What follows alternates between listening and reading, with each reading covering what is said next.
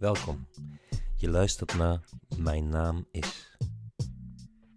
Mijn naam is Silas Neumann en in deze podcast ga ik in gesprek met mensen over hun naam. Het eerste stukje taal waar wij mee in aanraking komen. En wat we ons hele leven met ons meedragen. Soms in ieder geval.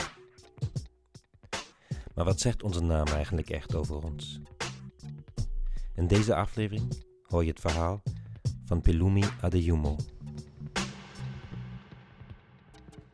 Mijn naam is Pelumi Adeyumo.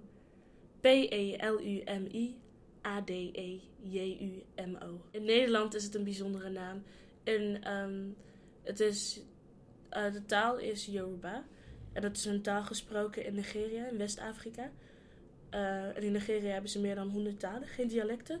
En Yoruba is een van de eh, bekendste, meest gesproken talen.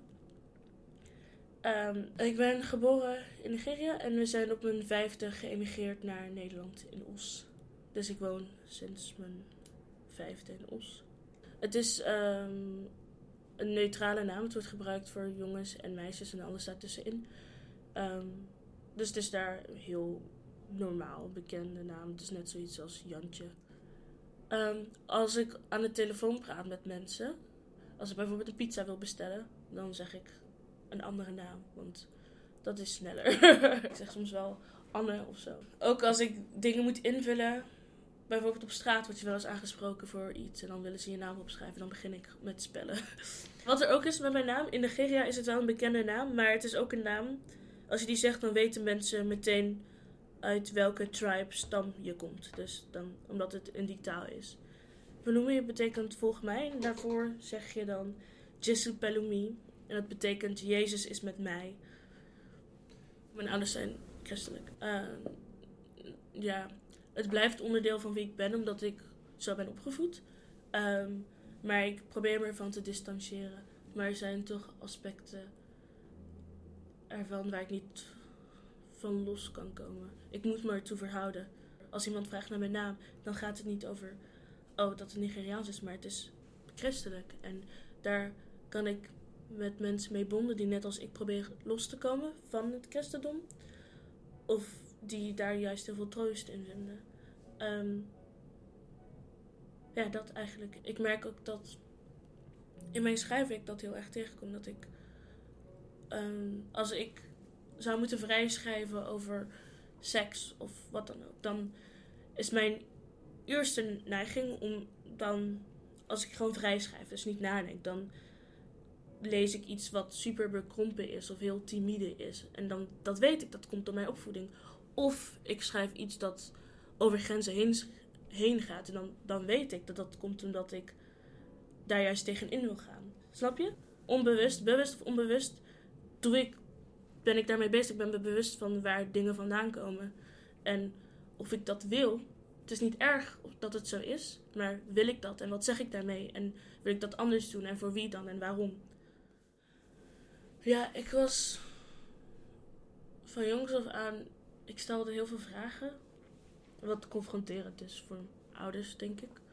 Um, dus ik was altijd dingen aan het bevragen en mijn eigen waarheden, waarheden aan het creëren.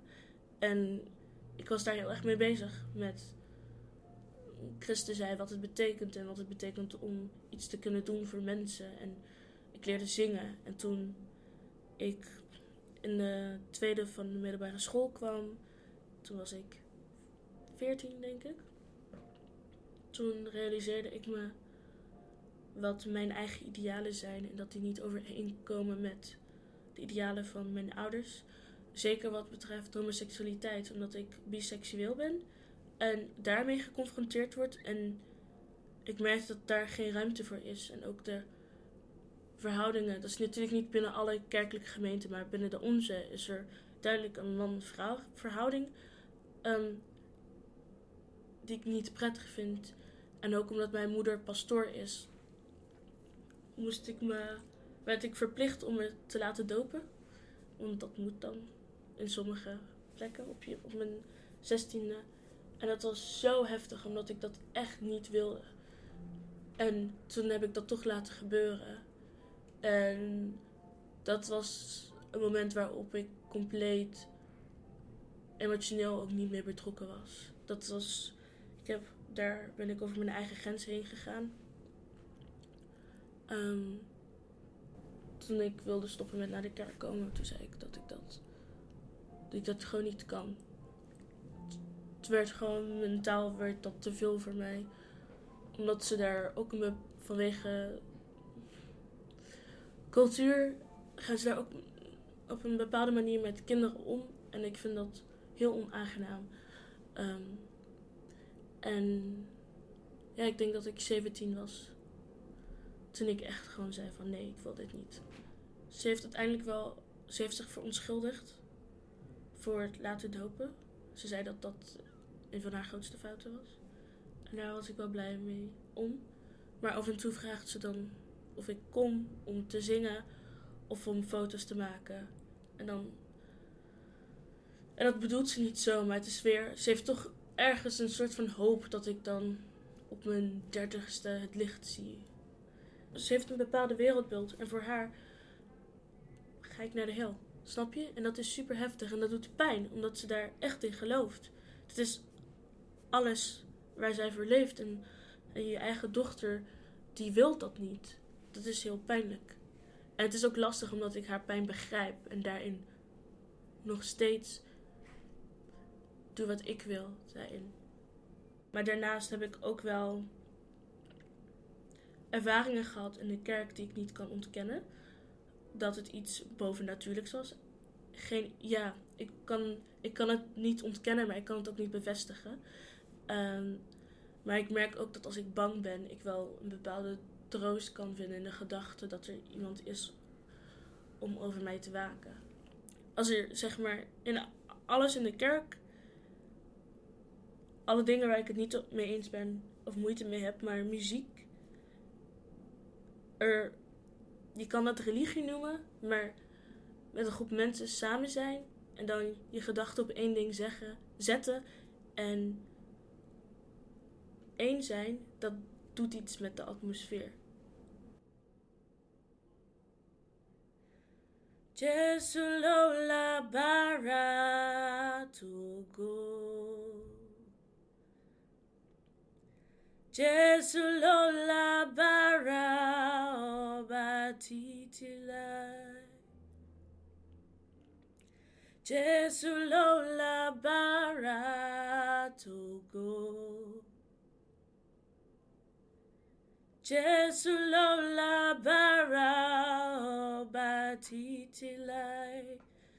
Ta ló dàbí? Jésù ta ló dàbí rẹ̀? Alábàárà ta ló? Talo dabire. Alabara ọba tó bẹ́ ògo kárí ògo látinú ògo ògo. Ọba sú jésù tí rẹ̀ ta ló dàbí rẹ̀ o? Ló dàbí rẹ̀? Jésù ta ló dàbí rẹ̀ alábàárà ta ló dàbí rẹ̀ ọlọ́run o ta ló dàbí rẹ̀ alábàárà ọba tó bẹ́ ògo kárí ògo ògo lọ sínú ògo. Ọba tí kì í sú ọba tí kì í rẹ̀ o. Ja, ik had misschien alleen gewild dat het niet zo'n christelijke lading had. Um, maar dat past ook weer weer bij mijn identiteit. Ik had niet Anne of zo willen heten, want dat zou een beetje ontkennen wie ik ben.